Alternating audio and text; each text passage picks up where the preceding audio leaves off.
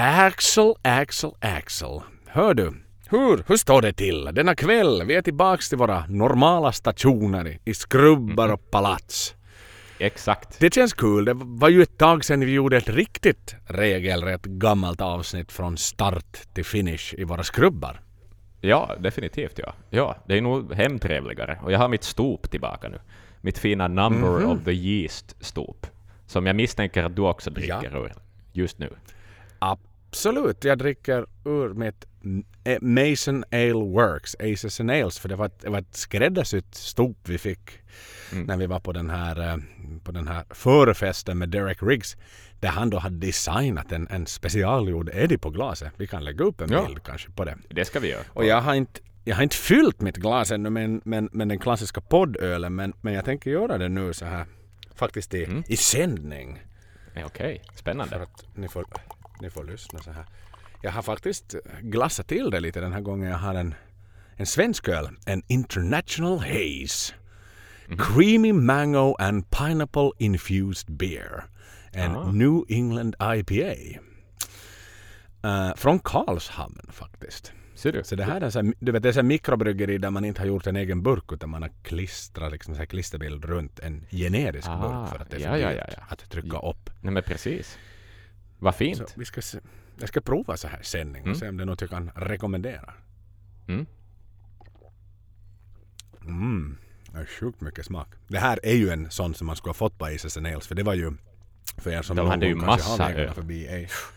Så där var, det var ju ett riktigt liksom en oas för ölälskare. Så var det. Så var det. Det fanns ju, alltså hela väggen var ju full med kranar. Ehm, Mm. Det, var måste ju ha funnits liksom säkert locally små batchar. 50-60, ja exakt, säkert 50-60 kranöl. Ehm, Det Ja. var fint. Man fick, inte. Heineken, man fick inte Heineken där utan det var liksom det var bara finöl. Mm, exakt. Men Själva den här kan jag gott och väl rekommendera. Kvällen är vanlig våra. Karlshamns bryggare också kan, kan göra någonting. Hördu, jag märker att vi tassar kring, vi tassar lite med och pratar öl och kanske även Mhm. av en avsikt. Men jag vill ändå pressa dig och fråga, nu har vi, har du morkis efter förra, förra avsnittet? Vet du, um, kanske först förklara begreppet morkis. Morkis är en sorts känslomässig baksmälla, eh, kan vi kalla det. Det vill säga att man ångrar någonting man har sagt eller gjort. Hör du, nej, nej, jag var faktiskt på en öl med en kompis igår och snackade lite om det här avsnittet. Vi hamnade in på ämne och Blaze och, och allt sånt här. Och jag blev lika um, upprörd då över, över skivans Jaha. kvalitet. Så, att, eh, så det verkar nog ligga i. Um, så det är nog sanning det jag sa. Mm. Mhm. Hur är Intressant. det själv? Nej, jag har, jag har undvikit, alltså jag kom, jo, nej, nej, jag har lyssnat på det där avsnittet, jag var lite rädd också och tänkte att det skulle komma en shitstorm på något sätt för att vi Nå, vi klankar ner på ett, på ett Iron Maiden-album ganska rejält så här om man nu jämför vår, vad ska vi säga, lite svalare recension av vissa delar av, av Somewhere in Time så var det här ju en brutal sågning. Jo, jo, jo. Men, men man kan ju samtidigt med, med tröst säga att det här No, vi har, vi har, nu har vi avhandlat den sämsta skivan som de någonsin har gjort. Det Exakt. blir faktiskt bättre. Och jag ser faktiskt fram emot att ge mig i kast med Virtual Elevens.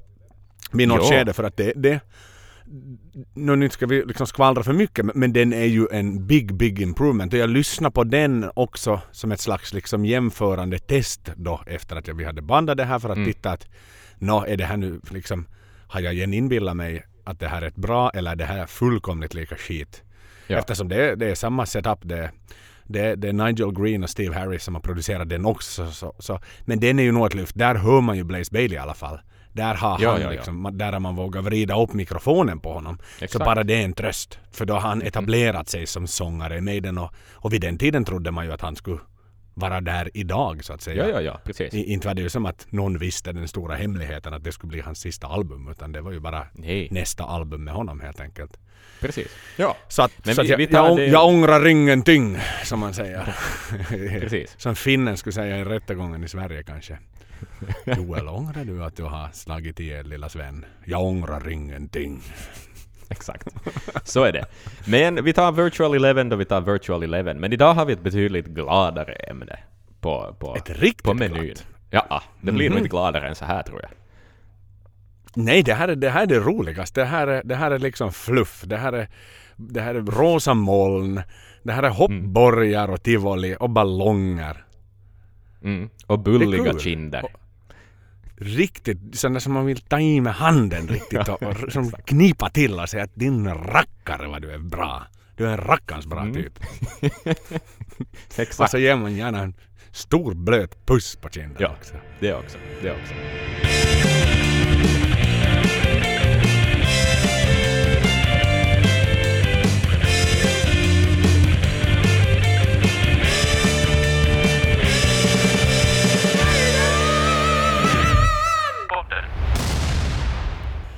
Ja, Dave så vem är det vi Murray ska... ska Vem, vem, prata. vem, vi- Dave Murray! Hej, hej, hej! Ja, Dave ja. Murray! Hej, hej, hej! Dave Murray! Hej, hej, hej!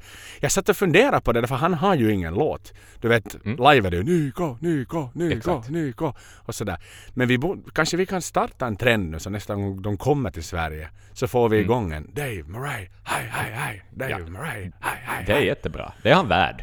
Uppmuntra honom. Han är ju som sagt, vi kommer ju att lära oss, eller alla, alla som lyssnar på den här vet väl det här läget han är ju ändå den näst äldsta medlemmen i bandet. Exakt, exakt. Så bara en sån sak. Bara Så en sån sak. Han, han, han har ju alltid funnits där vid Maidens sida. Jo, lojal som bara den. Extremt lojal och Mm. extremt eh, diplomatisk har jag förstått. Mm. Liksom, och väldigt omtyckt. Ja, exakt. Ja, jag tror inte han, i han är bandet. uppröringen. Nej. Nej, utan han är nog den som han pra- när han vill säga någonting, ja men då säger han det och då lyssnar folk. Mm, För jag tror inte att han är den som i onöden målar. Jag menar, jag har svårt att se honom ha en podd Ja, nej. på det sättet. Exakt. Men han är ju så oerhört behaglig intervjuer alltså. Mm, När man ser honom. När då han då pressas fram när Maiden ska göra en early days interview. Mm. Så här. Och när han då sitter där, för då måste han ju säga någonting uppenbarligen. Han är ju han är så skön. Han är, han är, sån, han, äh, han är, liksom, han, han är behaglig på alla sätt och vis. Mm-mm. Han har en aura runt sig. En sån här likability. En, en, man, man, man tycker om honom direkt. Ja. Och det skulle jag liksom, jag tror, skulle jag få intervjua honom, eller sätta mig ner tillsammans med honom, så jag tror nästan inte ens att jag skulle vara nervös. Nej, jag tror du? inte. För han har ju ett väldigt som ett...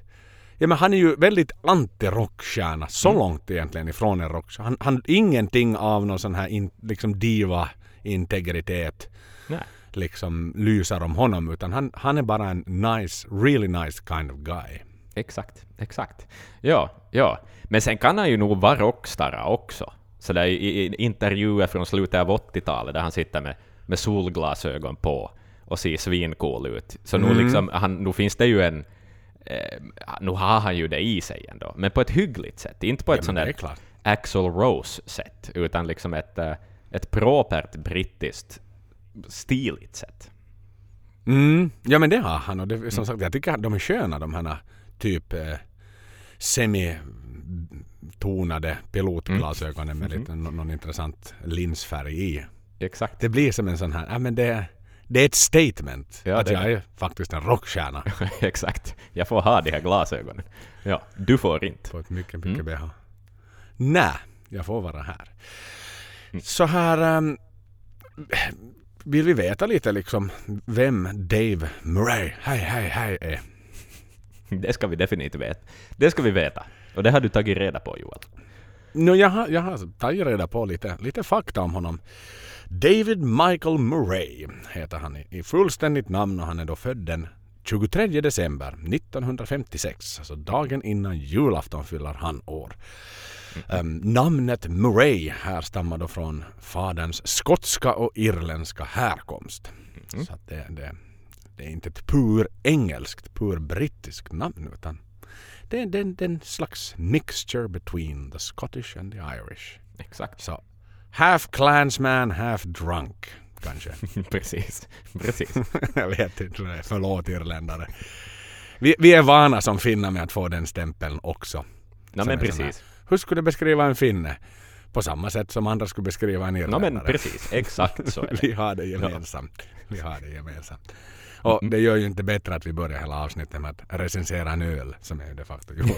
Så det är liksom fuels the stereotypes. Exakt. Nåja, gjort är gjort och sagt är sagt. Um, familjemässigt så, så har han två systrar. Eh, mamman jobbar som, som städare eh, på olika platser lite här och lite var och pappan var bidragstagare faktiskt och han var, var långtidssjukskriven väldigt Mm. tidigt. Och, så att eh, Ja. så låg det liksom till, till med hans bakgrund. Eh, Ja, jag förstår de att han kom ganska fat, från fattiga förhållanden på det sättet. extremt fattiga förhållanden. Eh, och då med tanke på att de eh, hade det så pass dåligt ställt. Jag menar hon var inte ens fastanställd som städerska utan gjorde lite ströjobb lite här och var där det Mm. råkade finnas. Då, då som sagt pappan lyfte lite bidrag. Jag kan tänka mig att de var inte extremt höga på på 70-tal. Liksom, Nej, statliga nej, nej. bidrag för någon som är långtidsarbetslös. Så de flyttar ju runt jätte, jätte, jättemycket. Mm. Och det hade ju då förstås att göra med att nå, dels kunde man kanske inte betala hyran och sen var det väl, kan tänka mig, liksom kommunala hyresbostäder Mm. helt enkelt där du nu liksom slussades lite, lite runt där det fanns Ja. plats och där det fanns liksom möjlighet att ändå husera tre barn och eller en familj på fem personer. Ja, Så att eh, på det sättet så hade man väl kanske inte så mycket att säga till om utan man fick vräktes man så måste man hitta något nytt ställe att flytta in på. Mm. Så att eh, på, på den vägen var det då.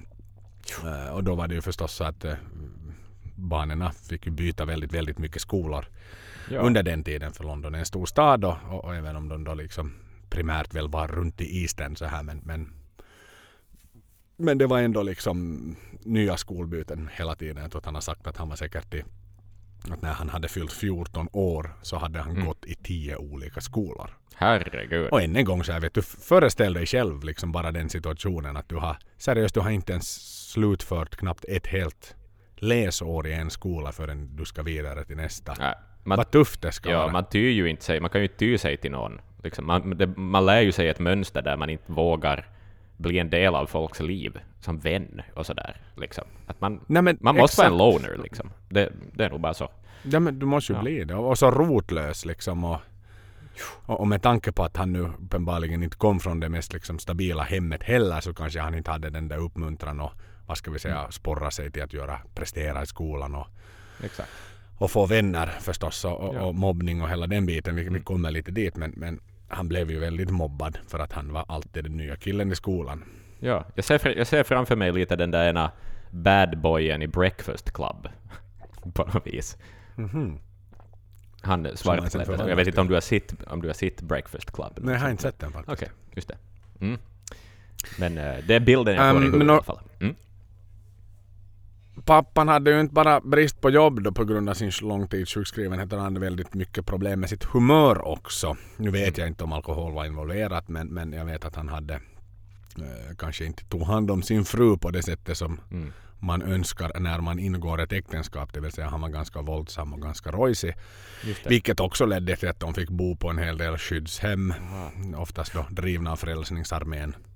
För att liksom helt enkelt vänta ut att pappan hade lugnat ner sig. Mm. Så att inte det är ju liksom en munter bakgrundshistoria vi håller på liksom att rulla upp här utan det är ju nog ganska jag menar vad ska vi säga så här i inte 9 fall av 10 men i 99 fall av 100 Mm. så med den bakgrunden i barndomen så är det ju nog sällan en, liksom, ett lyckligt slut. Ja, ja, ja, nej. Så är det nog.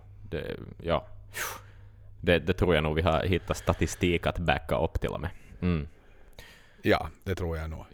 Och som sagt, eh, ja, skolbytena, det är väldigt sällan friktionsfritt så att han blev ju då som sagt väldigt, väldigt mobbad då i, i både tidig ålder och, Mm. och då var det ju någonstans här just när han hade hittat sina vänner då i skolan, ja men då var det dags igen att packa väskorna och flytta till nästa hem och Mm. börja om och börja om och börja om och börja om. Mm. Pappan var ju ändå någonstans, han var väl liksom, no, familjeförhållande är ett familjeförhållande, det vet vi ju Mm. båda om sådär så att han var ju inte liksom pure evil bara utan Mm. utan det här han, eh, men han då liksom för att, vad ska vi säga, man up Mm. young Dave sådär så att han ska kunna ta hand om sig själv så, så lärde han honom att boxas i tidig ålder. Mer egentligen bara för att kunna försvara sig på skolgården. Ja. Ja. Och eh, liksom för att kunna nita tillbaks till mobbarna helt enkelt. Och, och han var ju ganska, han blev väldigt stökig till slut Dave också i, i tonåren. Han, han blev väl relegerad från skolan och, och sloddes väldigt, väldigt mycket egentligen. För att Mm. då, det blir ju som sagt det. Han var nu på väg in på ett väldigt fel spår i livet. Mm.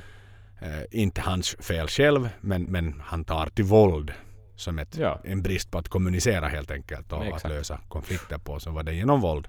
Ja. Eh, pappan ska det tilläggas också, så, så hade ju varit i sitt tidigare liv eh, ganska involverad i gängkriminalitet. Mhm. Em, han var en del av den notoriska cirkeln, som den kallas i East End. Som Mm. då hade liksom eh, tvillingarna Cray. Ah. Ni kan googla upp tvillingarna Cray. De var extremt välkända gangsters i Londons undervärld på den tiden. Liksom riktigt. Det var alltså mafiosoverksamhet Ja, ja, ja. som då pappan hade varit involverad i under, under sina tidigare år. Så att eh, på det sättet så det, det spär väl ännu mera på att pappan nu kanske inte hade några ambitioner på att, på att unge, unge David skulle bli akademiker utan. Han, han visste väl inte bättre och det var det sättet hans pappa löste, löste problem på var att boxas eller då kanske Mm. i ännu värre fall lösa det på andra sätt så att säga. Men, Mm. men ehm, så, så att, som sagt han kom från en extremt stökig bakgrund. Eh, Skyddshem, våldsam pappa, slagsmål, arbetslöshet, konstant flyttande. Så med de parametrarna så där i, i, i, som vi tar med oss på vår färd framåt så, så var förutsättningarna kanske inte de bästa. Eh, det, det blev också skinhead Just det. under en tid. Precis. Vet du Eh, på... faktiskt, ehm, och, och, och, Men det kan ju inte ha varit liksom Nasse skinhead utan mera all, Nej, men Doc allmän Martens. våld. En Doc Martens skinhead, exakt. Med, med allt vad det innebär. Det, det är ju förstås, det har ju inte alltid varit en rasistisk rörelse. Det var ju inte, det var eh, raka motsatsen till och med från början. Ehm, vad heter det? Ah, mm, Ja, en, en ganska mångkulturell rörelse. Men, men förstås en rörelse som kretsar Men- runt våld, våld. Förstås, våld var ju... det var väl det. Och ett visst liksom anarkistiskt tänkande, eller hur? Exakt. Ja, precis. Ja. Ska-punk och allt sånt där liksom- har ju uppstått i samband med skinhead-kulturen. Eh, och sådär. Jamaica Lite kanske som, eh, som... Lite som Maiden-låten Drifter kanske. Ja, nej, men exakt. hållet. Precis, precis. Man liksom, Ja, man fattar ju liksom de där tidiga, mål ja, tidiga Maiden-skivorna ehm, speglar sig väl i hans liv på något vis. Den där lite punkigheten Mm. och den där liksom drifter, ehm, ja, running free och så vidare på något vis. eh. Mm. ja men så är det ju. Ja, det är ju han, inte är, han är ju fan en punk ju alltså. Han var ju liksom- nog en punk på alla sätt och vis. Han var en punk så han kunde ju ha hur mycket stoff som helst. Mm. Som han kunde skriva då. Nå hur som haver då. Sen så bytte han helt och hållet sida så han blev hippie. För att han tröttnade faktiskt liksom. Han kom själv underfund med att okej, det här med våld och det här med liksom bara att åka runt och inte ha någon mening överhuvudtaget i livet och han började Mm. bli så pass gammal så han behövde inte vara hemma klockan nio på kvällen längre utan ja, han skötte sig själv helt enkelt. Så då bestämde han sig ändå för att äh, det här är inte min grej utan nu blir jag hippie och då gick han liksom all in som hippie, lät håret växa helt och hållet Mm. och, och, och eh, då som vi kan föreställa oss så Ja, han har inte klippt sig fram till idag om vi säger så. Eller, topp, topp, han kanske toppat lite sådär. Exakt, precis. Ja. Toppa, toppa lite, toppa. Mm-mm. Ingen, jag tror inte att han har använt, han har inte snaggat sig på väldigt, väldigt länge. Inte sen han Mm. var tonåring. Nej, nej. Det är nog, Eller det är tror du frisören klipper med, med maskin? Tror du de klipper med maskin även? Jämnar med maskin eller är det sax som gäller i hans hår? Jag tror nog det är enbart sax. Faktiskt. Mm. Jag tror Ja, inte han vem, han har vem som helst heller att, att klippa hans hår. Jag tror han är väldigt mån om att hans hår ska behandlas väl och med rättvisa. Mm.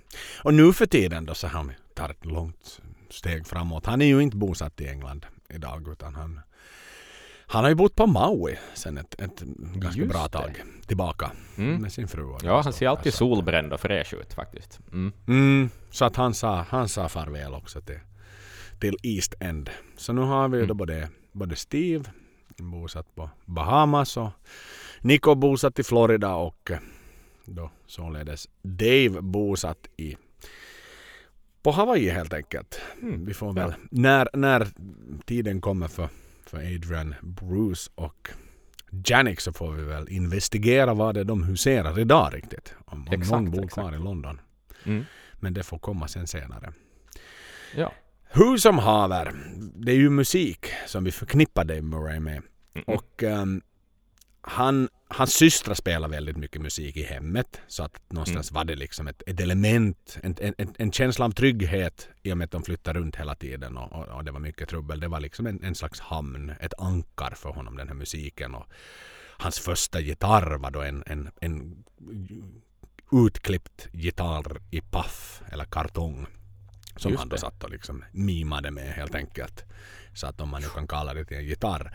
Men i alla fall den stund då som verkligen fick liksom poletten att trilla ner. Som var hans liksom heureka ögonblick med musik. Att det är det här jag, jag vill göra musik. Jag vill inte bara lyssna på musik. Så var ju faktiskt när han hörde låten Voodoo Child av Hendrix. Mm. Den, eh, den har nog blown people's minds ehm, hela tiden, tror jag. Jag tror att det finns Mm. tolvåringar idag som hör den första gången och blir, eh, och blir helt förtrollade. Mm. Nej men jag lyssnade på den igår och den är ju liksom vi ska klippa in bara lite av intro här Mm, för den är ju som den, den- är ju en tidlös klassiker. Så är det. Så är det. vi, vi kör Ja. en liten bit Voodoo Child. Det gör vi. Det gör vi. Bye.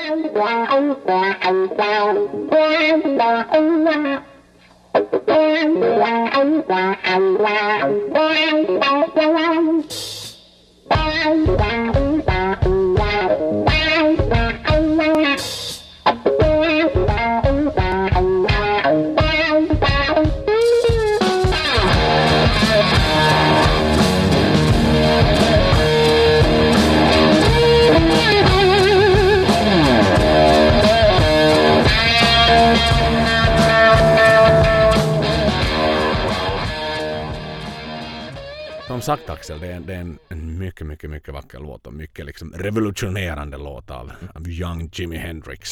Så att man förstår att många liksom är sådär hur kan man göra det där med en gitarr? Mm. Hur är det där tillåtet? Mm. Det är så tungt och det är så heavigt. Ja, det är nog det. Och så galet. Nej men det är coolt. Det är coolt. Jag förstår unge, unge David. Att han blev, eh, Mm. att han blev intresserad. Så är det. Visst blev han. Och det gjorde ju då att han började liksom byta ut sitt liksom drifter lifestyle mot att börja hänga på hänga på det här rockbarer och rockpubbar och, Mm. och, och, och läsa den här Melody Maker som är ju en sån här musiktidning då Mm. som vi var lite inne på i vårt absolut första avsnitt tror jag Mm. Ja. eh, med det här eh, Sound Soundwagon eller vad Sound- det nu hette som, som den här Neil Kay tror jag han hette Just det, precis. Den här som drog DJ. igång. Ja. Det var där han DJn ja, som, som ordnade sina rock och, och, och hårdrocksklubbar. Mm. Så att det var ju den tidningen han då annonserade. Men det var liksom där. Det var där man sökte band och där man sökte medlemmar helt enkelt. Och Mm. skrev om, om lokal musik. Så det var där han började liksom då svara på annonser och, och, och, komma igång egentligen. Mm. Ehm, det var också då som Dave träffade sin, sin blivande bandkompis. Eh, en man vid namn Adrian Smith. Jag vet inte om det ringer en klocka hos er där ute. Ja, så- låter lite bekant.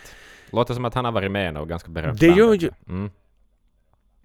Exakt, så de började ju bli ganska tajta där och Adrian var inte riktigt lika utvecklad gitarrist som Dave vid den tiden så att, så att Adrian visade sig vara en väldigt lovande lärling för, för Dave tog egentligen honom under sina vingar och Mm. Dave sålde sin, sin första eller sålde Adrians första gitarr var en akustisk gitarr som Dave hade sålt åt honom.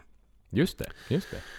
Och eh, det gick så pass långt, eller långt, men de, de startade faktiskt ett band tillsammans, Adrian och Dave.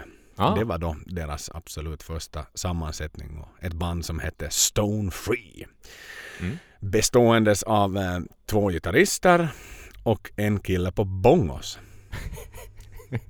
Så det är en ganska unik uppsättning. det, det har jag inte hört om för. Två gitarrister Nej, jag tror inte att det... En, pa- en så kallad power trio. Nej, det ja, verkligen. Alla, alla, alla andra Rush slänger i väggen. Åh gud. Ja, men, det är faktiskt. Det är ungefär som i februari Mm. när hela klassen är spysjuk förutom tre och så är det musiklektion. nu är det två gitarrer och bongos. Det är exakt vad det är. alltså det var det som var kvar. ja. Åh gud, vad Och fantastiskt. ja, men det gick så pass, så pass bra så att de bokade upp en konsert faktiskt. Han körde då covers Mm. eh, på en, på en, i en församlingslokal vid kyrkan på en, på en söndag eftermiddag. Okej. Och eh, det var inte väldigt hemskt mycket tanter egentligen i, i publiken. Sex stycken kom och tittade på dem och, och, och efteråt så, så gav kyrktanterna varsin, varsin Coca-Cola och en Mars bar Wow. som betalning. Ser du? Vad gulligt. Så det var hans första avlönade konsert i alla fall. Men det gav ju honom väldigt mer smak. Att han var ju ambitiös för någonstans hans drive var att spela inför publik och spela inför främmande människor. Mm. Att det var liksom, kan jag faktiskt försöka blow away people Mm. som jag inte känner med, med den musik vi spelar. Mm. Så han hittade ganska snabbt ett nytt band som hette Electric Gas. Mm. Ehm, det var lite av sån här Amerika, Amerika-vänlig rock folkmusik Just som det. de spelade. Eh, han var inte hemskt långvarig där. Han sökte väl lite efter sina rötter och vad han egentligen ville hålla på med. Mm. Så då plötsligt gick han från America Rock till, till eh, punk. Mhm. Till ett band vid namn The Secret. Mm. Det han lärde sig på nytt, eller liksom som en ny sak i det bandet, så var att de fick besöka studion. Det var hans första besök att banda in musik i en studio. Just det. Och ehm, de bandade in en singel som heter Café de Dance. Café de Dance. Mhm. Jag vet inte hur man säger det på franska. Café de le Dance. De Dance. Le Dance. The Dance kanske. Där har vi exakt Ehm, så det säger man. Men han... The Dance kanske ja. Ja. Har vi någon fransk som lyssnar så får ni gärna komma. Café? Ca- Un café heter det ju. Ja. Un café. Men hur säger man The Dance på franska? Hur skulle du säga det? Kanske un café de, de dame? Skulle det kanske vara lite mer åt ä-hållet? Ja, Mm, ja, det är inte liksom... Ja, okej. Un café de dans, de dans, de dans. the dame. Jag tycker the, the dame låter mer franskt. The dans. Ja, men jag är nog mer på dan. Ah, På ah, okej. ah. Som är svensk. Mm. Som en stockholmare. Ja, ja. Ja, The dans. Ja, ja. café de dame. Nu har vi nå, ja. harvat mycket på det här. Ja. Om vi har någon franska lärare rent ut sagt som är Maiden-fan och råkar lyssna på oss så har vi säkert liksom förstört din dag. med våra amatörmässiga försök att låta, Mm. låta fransk. Men det var ett brittiskt punkband Exakt. så vi tar det till vårt försök. ja, precis. Han slutade i The Secret ganska kvickt egentligen också. Egentligen mer eller mindre samtidigt som de släppte singeln. Mhm. Det var då som han träffade herr Steve Harris och herr Dennis Wilcox som ju då var Maidens absolut första sångare. Mm. Exakt. Ehm, han hade en audition på en åker i en gammal lastbilstrailer. Uh, för Dave hade fått, det var någon som tydligen parkerade sina lastbilar där på åkern och hade det som slags, nå- någon jävla parkeringsplats för något som, någon som hade ett åkeri och parkera bilarna där och ja. typ om de stod på helgerna så fick, fick Steve låna dem och hade som en bandlokal inuti liksom släpet på dem. Någonstans Ho- Huitzin, Nevada. Ja, exakt. Så, helt enkelt. Så att han traskade där. Men ambitiös som han var så han traskade genom åkern och leren när han kom fram och, Lite och suspekt. gjorde sin audition. Och, Ja. Jag skulle nog kanske ha vänt om i något skede. Jag skulle inte helt ha trott på det. Sådär. Mm. Någon sån där tjaskig trailer park. ja. Jag skulle tro att jag skulle bli mördad Mm, nej, och få, liksom berätta. utsliten eller någonting. Mm. Men uh, Jag punk som bara var så berätta fixade här om jag- Mm. mm, ja, och när jag hade med det bandet som ni nu ni känner till som, som ni alla känner till som Stratovarius eviga förband. Exakt. Så när jag hade audition till det bandet också så då hade de någonstans, jag bodde i Åbo på den tiden, Mm. då hade vi audition någonstans, alltså, jag minns inte vad den jävla orten hette, men det var typ liksom 30-40 minuter med bil från Åbo. Aha. Eh, Och vi möttes upp i Åbo och jag hoppade in. Tror vi åkte två bilar dit. Nej, vi åkte en bil dit för vi var en en five piece orchestra då. Jag satt liksom där i mitten på baksätet med fyra främmande människor. Mm. Och sådär, vad ska man nu prata om där? Jag ska åka dit på en audition så det är liksom jag är långt ifrån färdig och spela bandet. Och, Mm. Vi kom in till något sånt mystiskt, liksom halvt öde hus. Jag tror det var något gammalt dödsbo eller någonting. Ja, okej. Så här, riktigt sjaskigt gammalt, ungefär som om man skulle ha haft det som någon sån här krökarlya. Ja, ja, ja, exakt. Eh, där det var upp, upp, uppradat liksom något, något gammalt jävla skittrumset liksom. Typ någon sån här 70-tals dansbandstrumset och, och, Mm. och det fanns inget PA där utan jag sjöng genom en gammal stereoanläggning som de hade kopplat in en typ någon sån här vet du, karaoke-mikrofon Ja. i. Och jag var så att det, här, det här kommer ju fan inte att funka. Så det, det slutade med att jag, liksom, jag satt bort mikrofonen och sjöng utan mikrofon Ah. min audition. Okej. Och lyckades ändå sen överrösta sådär så att jag no, uppenbarligen hörde de mig för jag fick ju sen det där. Jag fick Du jobbet. fick jobbet, ja. ja. Men det var liksom min utgångspunkt. Så att inte var det hemskt. Jag kan faktiskt liksom I feel you man Dave. I feel you Dave. Liksom. ja, ja. jag, har, jag har varit lite i nästan samma situation. Ser du, ser du. Eh, Så att Mm. det var, det var lite sidospår. Jo, jo, jo, men, fall, så, men så gick det till med. definitivt. Förståelse. Förståelse har vi. Jag vet, jag vet, jag, för jag kan ju tänka mig att ni alla har liksom vridit och våndats över att ni, ni ville veta hur Joel fick sitt jobb i bandet som var förband till Stratovarius. Självklart vill vi veta det. Och nu har ni fått det. Mm. Och nu har ni fått det. Nåväl. ehm, han fick jobbet uppenbarligen. Uh, de spelar ju då en hel del konserter också. Men sen var det ett fyllegräl som satte stopp för Daves karriär. Mm.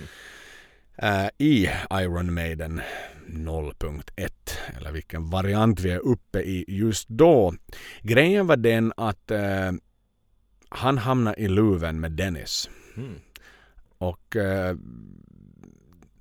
de hade en gitarrist som hette Bob. Mm. Så här låg det till. De hade en gitarrist som hette Bob sen tidigare som inte var lika duktig som Dave. Och Dave kunde spela med tänderna gitarrsolon. Och det Mm. Ah. gjorde Bob lite avundsjuk för då skulle Bob härmas och spela med tänderna. Mm. Men då vände sig Bob med ryggen mot publiken och liksom simulerade att han spelar med tänderna även om han spelar med fingrarna. Ah, för att han ja. ville liksom matcha Dave. Mm. Och då hade Dave liksom varit hej han fuskar ju, han fuskar ju. Och då hade Bob då som var mera senior i bandet blivit liksom grinig på Dave sådär att "Bast, du ska inte komma hit liksom, det här är mitt band. Och förstås liksom börja pissa territorier där och tänka att nu är jag lite illa ute för den här killen är bättre gitarrist än vad jag är. Mm. Ja. Han kommer på sikt att driva ut mig ur bandet. Så då hade han gått efter en konsert när de hade druckit lite till, till Dennis och sagt att "Hör du, Dave har sagt att du är fittigt dum i huvudet. Liksom ungefär sådär. Mm. Vilket ju då fick liksom Dennis arg för att Dave var ändå ganska ny. Mm. Och det var inte liksom, han hade hittat på en massa saker. Eh, kära Bob. Big Fat Bob som vi kanske kan kalla honom nu. För vi, vi tycker inte alls om honom Nej, vi i, det gillar här, inte Bob. i det här skedet. Nej, nej. Bob var en idiot. Vad gör Bob idag? Bara fuck you Bob liksom. Titta vad gör Dave idag, vad gör Bob idag? Ja. Bob gör Ja. inte mycket idag. Nej, Han kanske startar ett saftföretag i Sverige. Kanske det. Som ibland gör lite sylt också. Mm, bra. Exakt. Men hur som haver så han fick ju sparken då från Maiden. Vilket då ledde till att eh, han eh, återigen hookade upp med Adrian som ju hade tagit några steg vidare sen, sen den här kyrkokonserten och eh, Hade de eh, ditchat Bongo-killen? Hade de ditchat Bongo-killen vid det här laget? Ja, Bongo-killen var inte med, eller jag vet kanske han hade bytt upp sig till ett riktigt trumset. Jag är inte exakt så säker för att han, han gick ju då, Adrian hade grundat bandet Urchin som ju är ett, ja, en, en så viktig del i Maidens historia naturligtvis. Mm. Så att han började spela i Urchin, Dave. Och eh, ja. Sen slutade, eller sen fick Dennis i sin tur gå från Maiden. Eller slutade han? Det är jag inte 100% säker på. Nej, nej. Men i alla fall, Dennis tappade sin plats i bandet på ett eller annat sätt. Mm. Vilket gjorde att eh, Dave då fick en chans igen att gå tillbaks till Maiden. Mm. Och där har han gjort sin sista audition. För vi vet alla var Dave är idag. Just det. Så det var vägen till bandet. En snårig stig. Det där var hans väg till bandet. Men jag har så svårt att tänka mig Alltså det är nog det, som jag stör mig mest på den här Bob. Mm. För jag menar, the way we know Dave är han ju inte den som skulle stå på fyllan och kasta skit på någon bakom ryggen. Nej. Så till den grad att man på riktigt liksom blir jättearg. Tänk vad fräckt. Ja, skitstil. Faktiskt. Och jag menar, Ja. men jag, är man hotad och man gillar musiken så... Men det är ju inte väldigt långsiktigt. Det är liksom... Och vad jag Nej, förstod så hade Steve, Steve var redan det- liksom ganska... Steve hade väl siktet inställt på att ha Dave, för att Dave var så väldigt bra. också. Att, eh, Mhm. Sådär har jag, har jag förstått i alla fall. Så att, eh, Visst var det så. ja. Visst var det så. Ja, det var ju därför det inte var svårt för Steve att så att säga när det fanns inte ett problem längre när, Dave, när Dennis inte var kvar. Mm. Då var det ganska enkelt att ta in Dave för han var en så förbannat duktig gitarrist. Ja. Så, så Steve hade ju i sig ingenting emot det där utan Steve styrde ju det på det sättet att nej men Steve, det var Steves band men, men han hade ändå en asset i form av en frontman Mm. och en frontman kanske väger lite tyngre än en gitarrist. Mm. Så då fick han helt enkelt bara liksom göra en, kall, en iskall damage control calculation Mm. och tänka att okej, istället för att allt bara fallerar och jag inte gör någonting så får jag lov att klippa bandet till Dave men det är lite blink blink i ögat. Mm.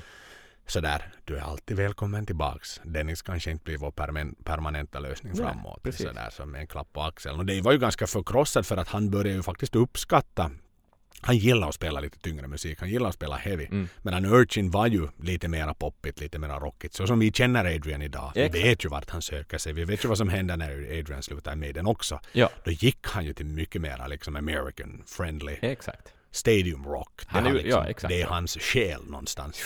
Så är det. Ja. Så att på, på det sättet så, så det är klart att det liksom var hans stil redan då på den tiden. Och han var ju också, Adrian var ju, vi tar honom när vi tar honom, men han var ju väldigt svårflörtad för, för han var ju också på Steves radar väldigt, väldigt länge innan han då fick in, in Adrian i bandet till slut. Att han tackade nej väldigt många gånger innan, innan han då till slut sen tackade ja. Mm. Så att eh, han hade väl en viss, viss liksom valde att han dis- distanserade sig helt enkelt till, till den tyngre typen av musik. Precis. Så att eh, då kan vi som sagt en hel del om, om vår kära Dave, eller om Mm. hur han kom till bandet. Exakt. Dave är ju lite sådär hemlighetsfull på sätt och vis. Ganska osjälvisk. Ehm, att, att det är svårt att hitta honom tala om sig själv. Att jag har, jag har kollat en, en drös med intervjuer och, och läst en del artiklar och, och intervjuer gjorda back in the day också i skriven form. Men att för det mesta så är han ju bara en kommunikatör för Maiden. Han talar gott om Maiden, han snackar om skivor, om turnéer, om eh, sina kollegor i bandet. Eh, men man vet ju väldigt lite om honom, eller liksom på det viset. Sådär att, att då väl maskineriet var igång så, så s- svårt att veta vad han kände, vad han tänkte, vad han tyckte om saker och ting. På det sättet. Har du, har du samma upplevelse? Jag har exakt samma uppfattning som du har gällande honom och, och, och det, jag minns den här, då vi pratar ju om, om filmen Flight 666 så är det ju den här episoden då när bandmedlemmarna ska beskriva varandra eller egentligen Mm. alla bandmedlemmar beskriver en medlem i tur och ordning och då när de pratar om Dave så pratar de ju också om honom som den här väldigt sansade, väldigt lugna, Mm. tillbakadragna. Men, men just det där som vi var inne på i början av avsnittet, att när då Dave har någonting att säga, jo då lyssnar folk. För att det är på något sätt, Mm. han, han luftar inte käften i onödan och härjar. Han är ju inte som Nico till exempel. Som, Ja, exakt, exakt. som bara liksom ojar och vojar sig och är arg på allt och alla och det är sådär ja ja. Men nio av tio saker som Nico säger ska du inte lyssna på. Det är Nej. ungefär liksom den bild jag har fått av Nico sådär. Som är den liksom allmänna känslan i bandet. Ja. Medan Dave då liksom, som sagt, nej men han gör sitt jobb. Han, han, han gillar läget, han älskar Maiden. Han är Ja. ju... Nej, så, som vi pratade om redan i X-Factor, han är ju liksom Steves mest lojale man. Han är, Mm. han är den som... Nej men jag tror inte att han ifrågasätter. Jag tror inte att han är den... Han är inte en sån här disruptive agitator Nej. som liksom... Han skulle inte brösta upp sig mot Steve. Nej. Och inte vet jag, och sådär kontrastera hans ganska roddiga uppväxt och sånt, så, så kanske han bara är nöjd. Vet du? Att det ja, gick, ja, men det jag gick tror det. vägen. Och ja, det. Det är ju... Mm. För som sagt, de flyttar hela tiden. Kanske det här är hans liksom verkligen trygghet. Det är hans hamn i livet, är Ja. Maiden. Han har varit i Maiden nu i, i lång... Alltså i över 40 år har han spelat gitarr i Iron Maiden. Ja. Det, Tänk det. Utan avbrott. ja. Det är ganska, ganska fascinerande faktiskt. Ja. Och han har också verkat Och, in, ganska och sådär inte liksom... han ju... Ja, Ja, också sådär med vilka instrument han spelar och sådär att, att han har, han, säger han ju nog många gånger att han har börjat samla på gitarrer i något skede förstås, då, då ekonomin ändå har tillåtit och man gillar gitarrer. Men, men han verkar liksom Mm. väldigt sådär... Uh, det är ingenting han har för att ha det, utan han har, han har dem för att spela på dem. Och han, han, eh, också hans custom Fender-modell så är liksom en kopia egentligen, eller en version av hans första gitarr, som var någon sån här lite eh, ihopskruvad. Liksom. Den hade en body av en årsmodell och, och en hals från en annan. Och, och sådär, liksom en sån här palakaster, som man brukar tala om på finska. Ehm, och sådär. Så att, ja, Beatcaster. ja, exakt. Precis. Så att, ett eh, vackert ord faktiskt. Ja, så att eh, han, han verkar väldigt sådär, uh, ja, inte, inte, inte så krånglig av sig. Han lever ju inte överflöd. Nej, nej. Jag menar, vad fan, han vill man bo på Hawaii så ska man ju få bo på Hawaii. Det är ett, säkert ett Absolut. väldigt skönt liv. Han var ju nog en... Det som han ju i alla fall var i väldigt ung ålder, han var ju nog en, en womanizer. Mm. Att han var ju verkligen liksom... Vilket är lätt att föreställa. Han är en vacker, väldigt vacker man och han Ja. har liksom ett, just det här leende och ögonen och glimten och alltså han har som ett, ett väldigt så här, någonstans ett barnasinne Ja, i sitt utseende och sin utstrålning. Liksom så att eh, det är klart att, att kvinnornas ögon kastades på honom ja, på scenen. ja, ja, ja. En, en värme utstrålar han faktiskt, ja. Och det är mycket, det mycket av de här... eh, Det gör han. det är kul att se de här gamla intervjuerna just från 80-talet och sånt, för det verkar ju som... Det var ju en annan tid, och det var alltid unga, ganska vackra kvinnor som intervjuar, alltså många gånger som intervjuar bandmedlemmarna. Um, och på det, ja, han Mm. charmar ju nog dem. Han charmar dem väldigt mycket. Mm. Jo, han ställer ju sådana här lite följdfrågor sådär. Det var någon intervju jag såg när han var i... Det var på, på uh, No Prayer on the Road i Finland. Då. Mm. De var i fin, som sagt i Finland och det var någon, någon finsk kvinnlig journalist som intervjuade ganska lång och hon hade väldigt påläst, väldigt kompetent inom Mm. rockmusiken. Så att hon liksom, det var inte the normal kind of question hon satt med Janik och Dave utan Nej. hon frågade väldigt kvalificerade, väldigt liksom skitbra frågor. Ja, helt enkelt. exakt. Precis. Men ändå var han inne sådär... Han fick in på något sätt det där How old are you? Och så sa hon att Well I'm old already, I'm 30. Och så hör man hur han Oh, oh really? Skrattar han sånt där. Riktigt sådär liksom. Det var en sån jäkla liksom Oh, oh really? Skön liksom. Ja, Du vet att jag har hotellrum 507 på Exakt. Presidenti. Bara Så är sådär. Så du vet efter konserten. ja. Men hur har han det? Hur har, liksom, eh, vad, vad, är, vad är Daves familjesituation nu? Sådär, fru och barn och grejer. Fru och barn, fru och dotter. Just det. har han. Hon var väl född eh, 91 om jag inte minns fel från, från Precis. minnet, hans dotter. Så att, eh, Ja. Hon är en stor flicka, Mm. ett år yngre än dig. Exakt, precis. Tänk he, tänk he. Ja, Det inte blev, vet jag. ingen, det blev ingen Lauren Harris av henne. Nej, nej, det blev inte. Eller Och den- never say never again. Hon har i alla fall inte... Mm. Vad säger du nu? Ska vi öppna den där dörren nu? nej, vi ska inte. Vi öppnar inte Lauren nej, vi ska inte. Nej, Men det det hade ju varit lite kul om, om hans, hans dotter hade, hade varit förband till, på nästa turné. Mm. Ja, ska man få jämföra lite på det viset. Ja, Ja, exakt. Mm. Om, Daves, om Daves gener är starkare än, än Steves gener. precis.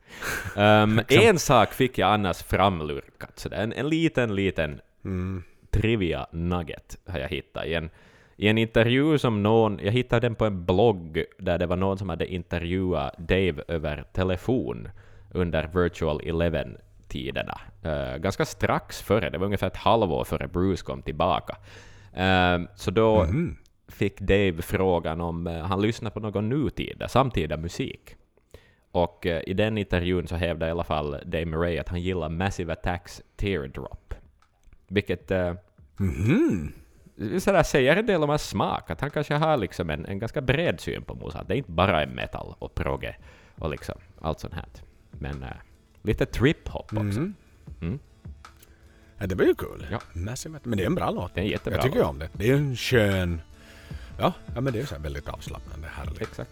Ja, Nä, nästan lite sönderspelad låt. Men ja i, idag är den sönder, definitivt sönderspelad. Ja. Mm. Så att... Det eh, den men han det, pumpade igång sig med i logen? Vad sa du? Var det den han pumpade igång sig med i logen? Tre minuter innan de skulle ha, vara på scen. Det, Tror du det? det är nog inte riktigt en sån låt. Nej, det är ju inte, men det kanske ändå är stämningen som var med den just då. Mm. Det är sådär. Ja, det är sant. What's the fucking point? Ska vi ut igen och spela The Unbeliever? Det här är vitt och inte något roligt. Nej. Ska vi ut och spela Fortunes of War? Då kan jag lika gärna lyssna på fucking Teardrop av Mm, Massive Attack. Exakt, precis. För jag får ingen lust att spela det här. Nej. Bruce, det det. kom tillbaka. Kom tillbaka Bruce. Snälla. Du har inget här. Ja. Vi vill ha bort den där andra. Bruce! Hit med dig Bruce! Och så hörde Bruce hans calling. Mm. Medan dun, dun, dun, dun, dun, dun, dun, dun, spelar i bakgrunden. Mm. Där har vi det. Exakt. Och då hörde. Bruce någonting. Det är så det var. Ja. Nu vet vi, ladies and gentlemen, vad anledningen är att Bruce kom tillbaks till Maiden. Mm. Vad fint! Så vi tackar Dave för hans hårda telepati. Mm. Det gör vi. Det var... Eh, ja, ska vi, Skål, ska vi ta quizet? Jaha, det är första gången någon har bett om ett quiz. Jag trodde att det är någonting som så att säga mera prackas på någon. Men eh, i det här fallet så... Så ber du ju om det så, så kan jag ju inte säga nej. Det är lite Nej. som att tigga om stryk. Kan du ge mig stryk Joel? Det är nu ungefär Jo, det. hör du Axel. Mer än gärna. Låt mig, låt Ja, mig. eh, The challenge of the beast. All right Axel. Ehm, vi har kommit till en liten quiz om, om Mr Dave Murray. Hej, Mm. hej, hej. Um, Dave har inte skrivit hemskt många låtar. Mm. Eh, men eh, några bidrag har han i alla fall hjälpt till med under årens lopp. Hur Mm. många bidrag gissar du att det skulle kunna vara? Och jag har alternativ tur. här. Alternativen är 15 låtar, 20 låtar eller 25 låtar. Mm. Ehm, det känns nog inte som att det kan vara så mycket som 25. För eh, det, ja, det brukar ju vara mest sådana här lite insticka låtar i mitten av albumen. Uh, de största hittarna och så vidare. Eh, jag gissar nog på 15. 15 måste det vara. Ja, du får sätta fem till faktiskt. Är det 20? Ser man på? Mm, Okej. Men Det bra. stämmer bra. Det, var, det är han värd. En del har han gått igenom, en del har han gjort. Ehm, vi vet ju att Dave oftast skriver ihop med Steve. Mm. Ehm, men det har faktiskt förekommit en, en endaste gång att Dave har sin egna credit på en låt som är helt och hållet hans. Vågar du dig på en gissning vilken, vilket bidrag som är hans absolut egna till Maiden? Det här kan jag faktiskt. Och det är Mhm. Charlotte the Harlot. Titta, titta, Woo! grattis! Ser du? Det var han som satte igång sagan egentligen med, eh, med Charlotte. Mm. Som ju är ett förekommande fenomen. På Maidens plattor. Vill du veta i vilka låtar han har varit involverad? Ja, no, men nu vill vi väl Är du intresserad det? Definitivt. Då kör vi det. Vi, vi, i- in no particular order or year. Mm. Vi tar den i bokstavsordning låtarna. Han har varit med och skrivit Age of Innocence. Från vilken skiva? Dance of Death. Just det. Brave New World. Mm. Chains of Misery. Var finns den Axel? Chains of Misery. Vad skulle den vara? Kanske Fear of the Dark? Yes. Och förstås Charlotte the Harlot på själv titlade, betitlade albumet. Han var med och skrev Deja Vu. Det ska du Just veta det. vilken skiva den är på. Mm. Dun, dun, dun, dun, dun, dun. Alltså... Um, Vi har gått igenom den skivan. s- Somewhere in Time förstås. Exakt. Drifter. Mm. Också från, eller, från Killers. Mm. Fates Warning. Från No Prayer for the Dying. Judas Be My Guide. Från Fear of the Dark. Lightning Strikes Twice. New Frontier. Mm. Public Enemy Number One. Rainmaker. Mm. Still Life. The Man of Sorrows. Mm. The Man Who Would Be King.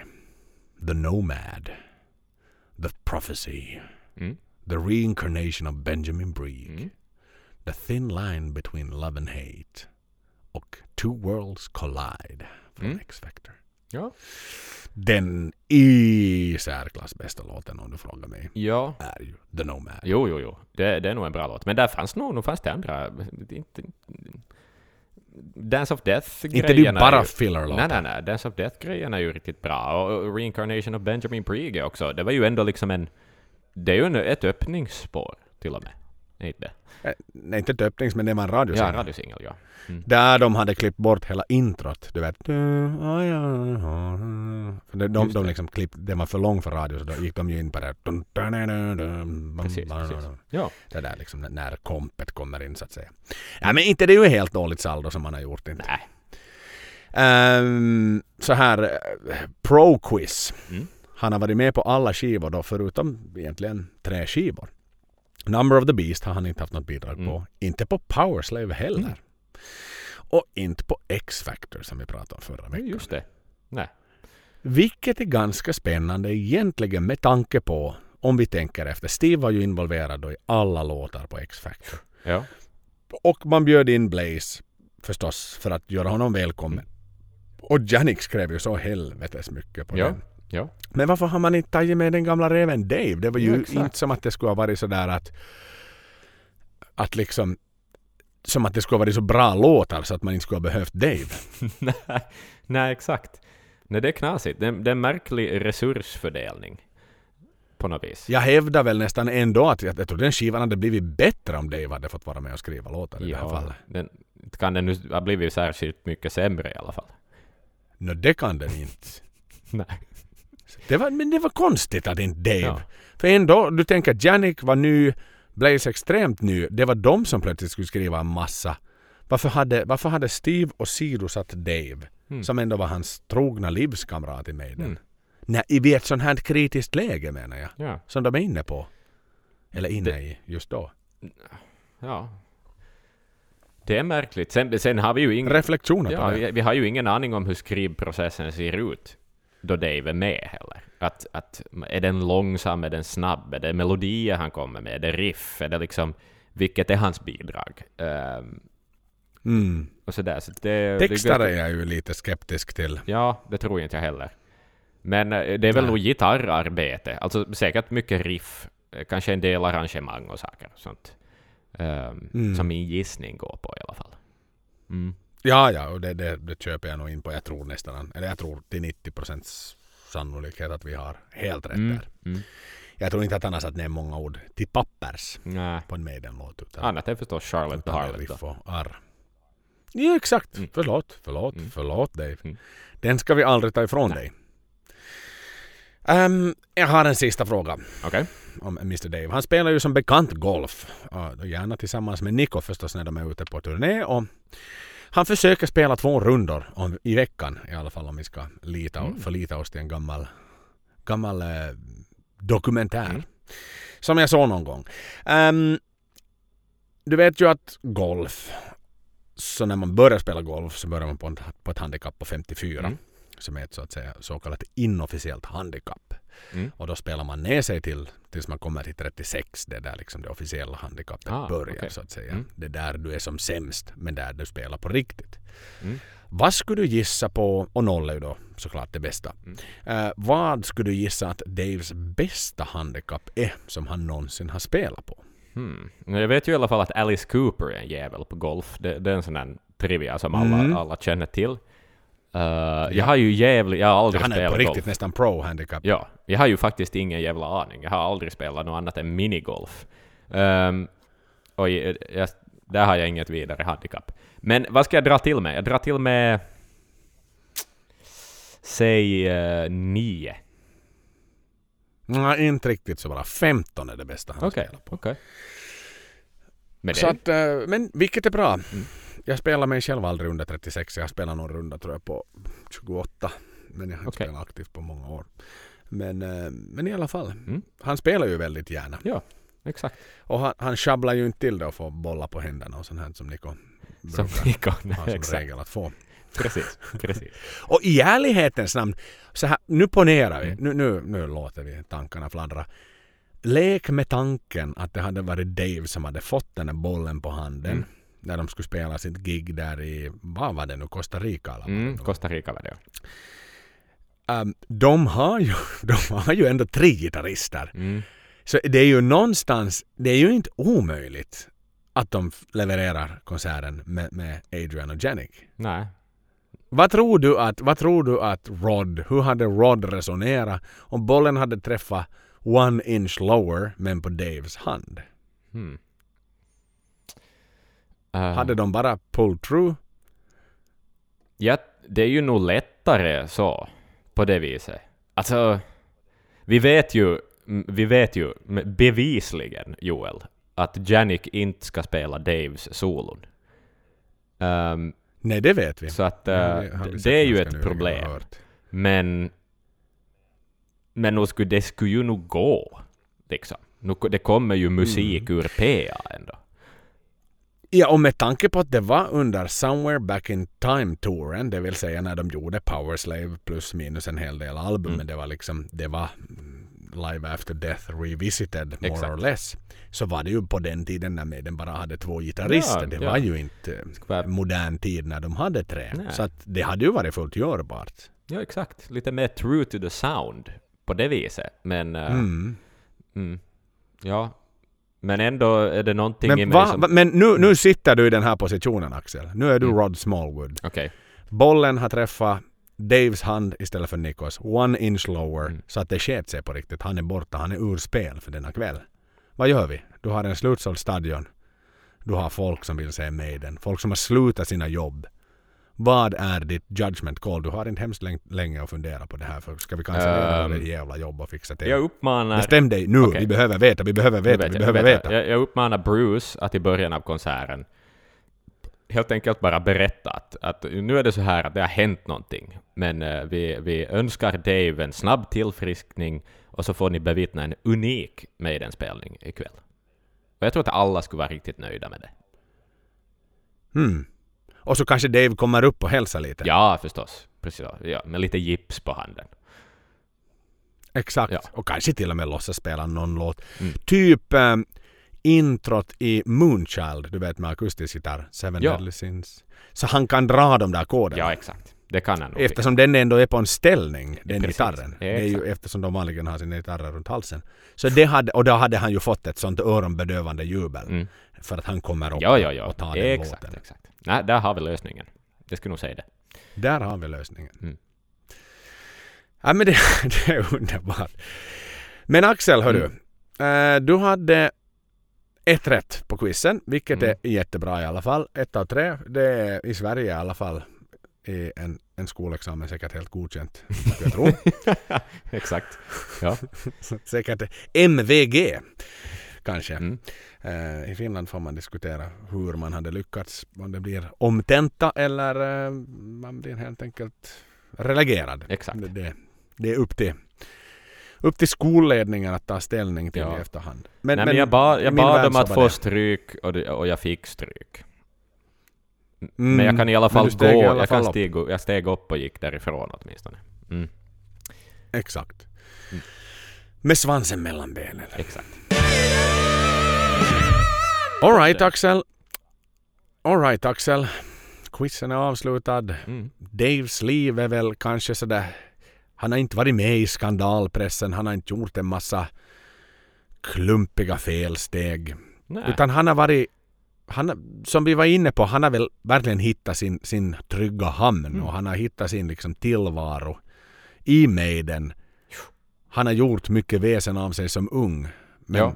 i vuxen ålder så han, han är ju någonstans den perfekta människan egentligen om man tänker efter liksom.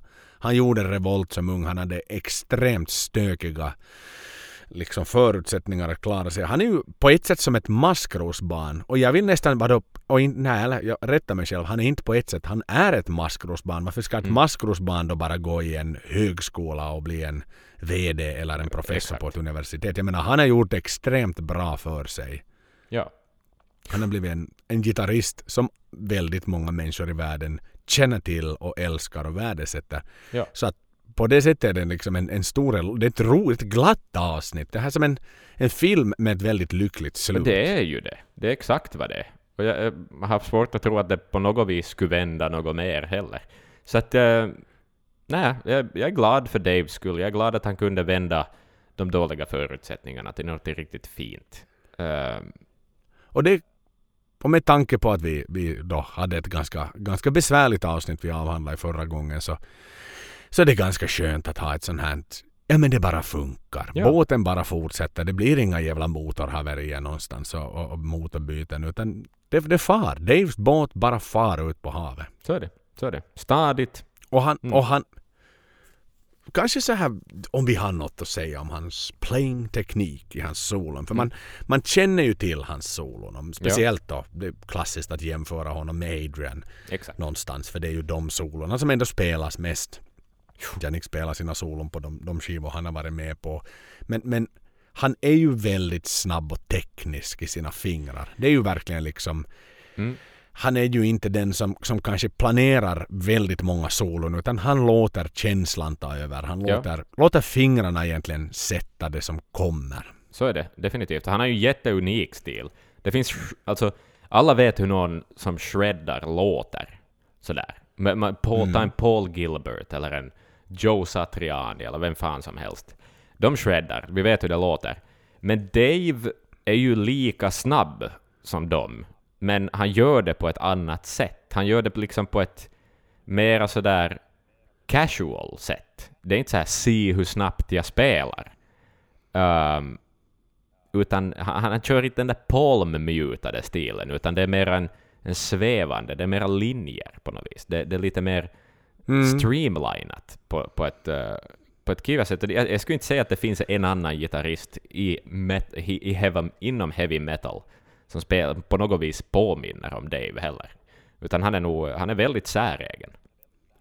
Det är ju då, det är ju så långt ifrån själlöst egentligen när det kommer Mm. till, till hans solon. Också man ser än idag Mm. en, en um, musik-DVD eller när man ser honom live hur mycket han liksom, verkligen hans ansiktsuttryck, han blundar ju på Mm. riktigt när han spelar gitarrsolon och verkligen liksom han, han, spelar dem från hjärta och det, det är en sån sann känsla. Och det är ett så Ja. vackert komplement till Adrian också som Adrian då är den som mera planerar och tänker Mm. igenom och tittar hur han ska matcha det mot, mot dels Daves och mot låten för att skapa en stämning och atmosfär. Medan Dave är mera Mm. liksom pang på rödbetan.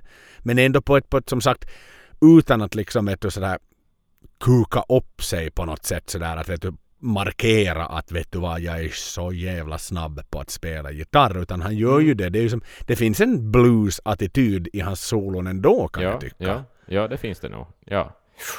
Definitivt. Och det är nog en, en sån där... Plays from the heart. Ja, och jag menar, ska vi nu återkoppla till hans liksom fascination av, av Jimi Hendrix i tiderna så, så finns det ju nog någonting där. Han, han har ändå valt att alltid spela på Stratocasters, även om han äger andra gitarrer också. Sådär. Men, och, och, lite en sån här... eh, Han har uppfunnit ett nytt sätt att spela på också.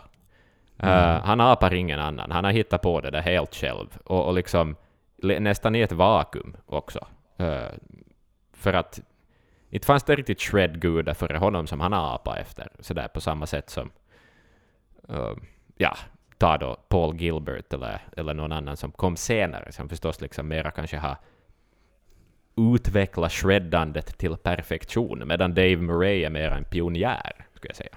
Mm. Ja, och Maiden är ju inte... Alltså skulle du börja göra... Skulle du applicera shreddande till perfektion i Maiden Mm. så skulle det börja låta väldigt annorlunda. Och jag tror Ja, inte att det skulle inte låta låta som Maiden. I positiv bemärkelse. Exakt. Ja, så. Utan Maiden är ju inte Maiden sloppy, men Maiden har ju ändå en, en, ett uns av ett sloppigt sound. Också Ja. när du lyssnar på Nikos trummor. Alltså det är ju inte, det är inte minutiöst. Nej. Eh, till exempel virveltrumman är ju ganska slapp i Maiden. Mm. Ja. Den är ju inte sådär extremt tight skruvad. Men också med Nikos eh, rack av tom-toms är ju inte Ja. liksom sådär, det är ju inte sån här Portnoy toms utan det är ju Nej. som en, nej men de har en viss sån här, brr, alltså matthet på något Ja. sätt i sin, Ja. Ja, ja, De ja. är inte sådär det är inte lika överspända. hiffy. Nej, precis. De, de dör ut lite snabbare på något vis i sin... I anslaget. Ja. I sustain. Och samma är ju Samma med- med- de har inte samma sustain och samma är ju med Daves bas också. Han spelar väldigt mycket men det är ju liksom sällan liksom saker klingar ut riktigt Mm. in på, Ja. på Steves bas. Det händer någon gång, typ i Rime of the Ancient Mariner så då är det det där i, långsamma passagen. Exakt. Men, men i övrigt så är det liksom så är ju Maiden liksom sloppy men på, ett- liksom, in- på ett fantastiskt sätt. På Ja, det, sätt som gör att jag liksom älskar Maiden på. Ja, precis. Det utstrålar spelglädje. På och det autenticitet. Alltså Ja. det, det är någonstans att Maiden skulle kunna hoppa in på de flesta instrument i en musikbutik Mm. och inte låta hemskt olika från vad de skulle låta på scenen när allt är optimerat. Nej, nej. Nej, exakt. För det sitter inte i deras grejer eller i deras pedaler eller i deras liksom... Ma- Maidens sound sitter i händerna på de som gör det. Mm. Nej, men det är ju liksom craftmanship, Ja, måste jag säga. Precis. Det är väl kanske definitionen av, av Maidens musik. Det är craftmanship. Så är det. I, i, i var, varenda unik medlem i bandet bidrar med sin så viktiga del Mm. i, i processen att skapa den musik som Maiden gör. Och det är väl Ja. liksom då just Daves ofantligt liksom viktiga roll i det här. Ja. Och hela deras liksom hur de har evolvat från, från att vara liksom, nej men sanctuary bara liksom. Vet du, riktigt liksom smutsig rock'n'roll till den då The Nomad till exempel som han var med och skrev. Som ju är en som så liksom raffinerad, detaljerad, Ja. fantastisk liksom pikant, oerhört vacker låt. Ja. Jag ser verkligen fram emot att ge mig kast med, med The Brave New World Axel. Jag, Det. jag vill Ja. ta den vid något skede. Den, den är... Aj, aj, aj, aj. aj. Mm. Ja, men det, det, blir, det, blir, det blir ett avsnitt jag kommer att se mycket fram emot att, göra. Ja. Detsamma. Detsamma, ja. När vi kommer till den tiden.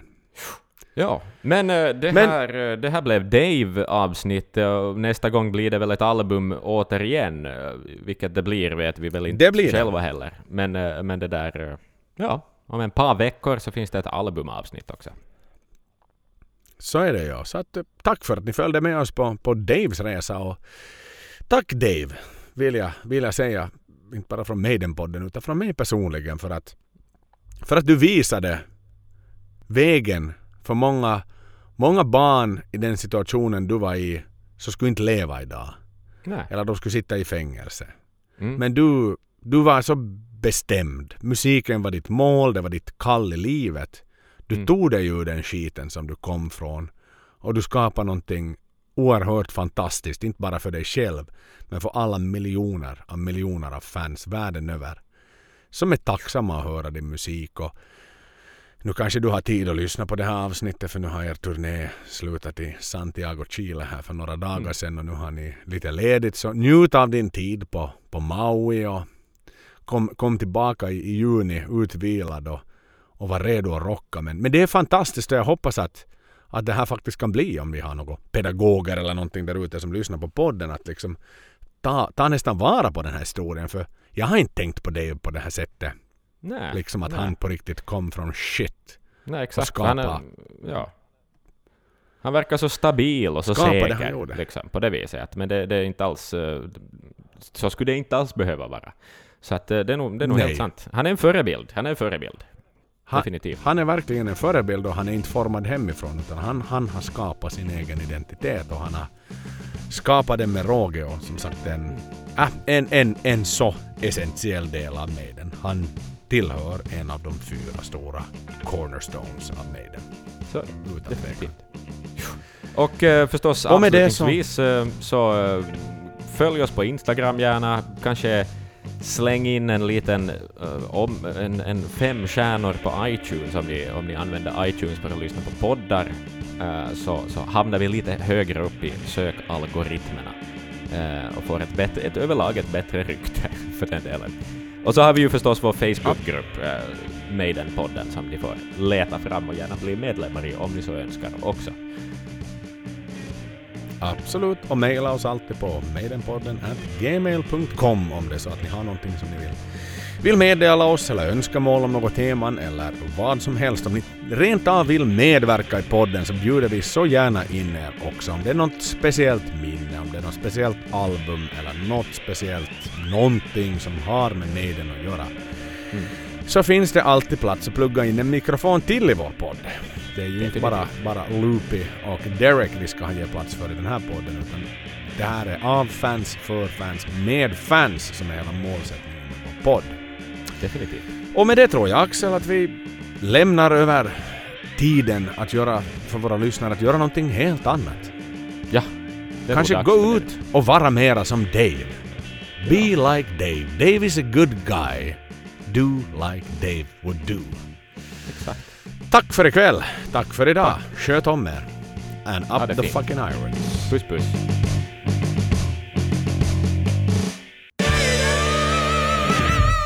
Podden